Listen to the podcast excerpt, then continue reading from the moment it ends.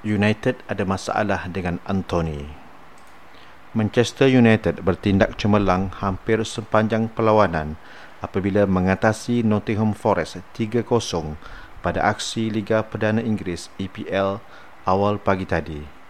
Namun ketika Marcus Rashford, Anthony Martial dan Fred semuanya menyumbang gol, ia satu lagi malam yang harus dilupakan buat Anthony. Dia kini sudah mengharungi 11 perlawanan buat klub dan negaranya tanpa sebarang gol atau assist.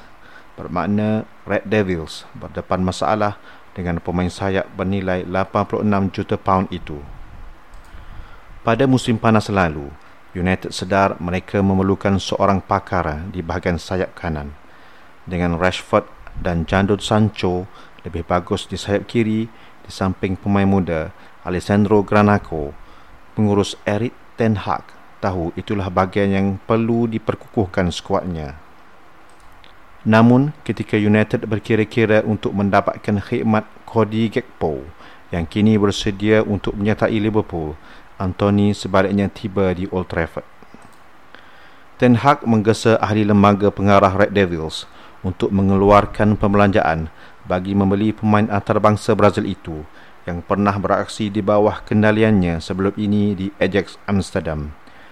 Pada awalnya, ia kelihatan seperti satu pelaburan yang berbaloi. Anthony memukau pada penampilan sulungnya bersama United, membuka tirai jaringan ketika Arsenal ditundukkan 3-1 pada awal September lalu di Old Trafford. Dia kemudiannya menyusul dengan satu gol sagu hati. Gol yang menakjubkan ketika tewas 6-3 di tangan Manchester City di Stadium Etihad. Anthony juga meledak gol apabila United menewaskan Everton 2-1 pada awal Oktober dengan Cristiano Ronaldo merakam gol kemenangan pada hari itu. Sejak itu, Anthony bergelut. Kecederaan menjadi satu faktor tetapi susulan persembahan hambanya menentang Forest, dia sudah mengharungi 11 perlawanan tanpa satu gol atau assist buat klub dan negara.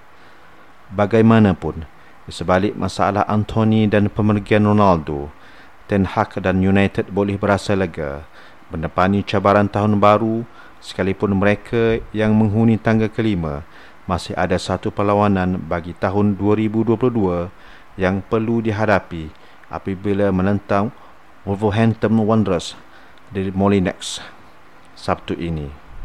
United hanya kalah satu perlawanan dalam 14 aksi terakhir bagi semua pertandingan dan kemenangan ke atas Forest membolehkan mereka merapatkan kedudukan hanya satu mata dengan pasukan tangga keempat Tottenham Hotspur. Berakhir dalam kelompok empat teratas dan layak ke Liga Juara-Juara menjadi keutamaan mereka tetapi masih ada trofi untuk direbut dalam Piala Liga Inggeris, Piala FA dan Liga Eropah. Benar ada kekecewaan terutama kekalahan besar kepada Brentford dan Manchester City. Tetapi tidak diragui banyak perkara positif berbanding tempoh sama tahun lalu. United masih mencari penyerang untuk menggantikan Ronaldo. Namun, tanggungjawab di depan pintu gol lawan antara kini dan Mei depan bergantung kepada Rashford dan Martial yang turut meradak gol menentang Forest susulan umpanan Rashford.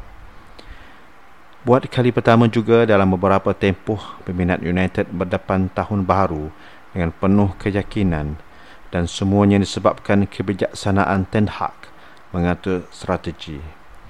Ada harapan di bawah kendalian pengurus baru dari Belanda itu. Tahun baru menjanjikan beberapa kejayaan buat mereka.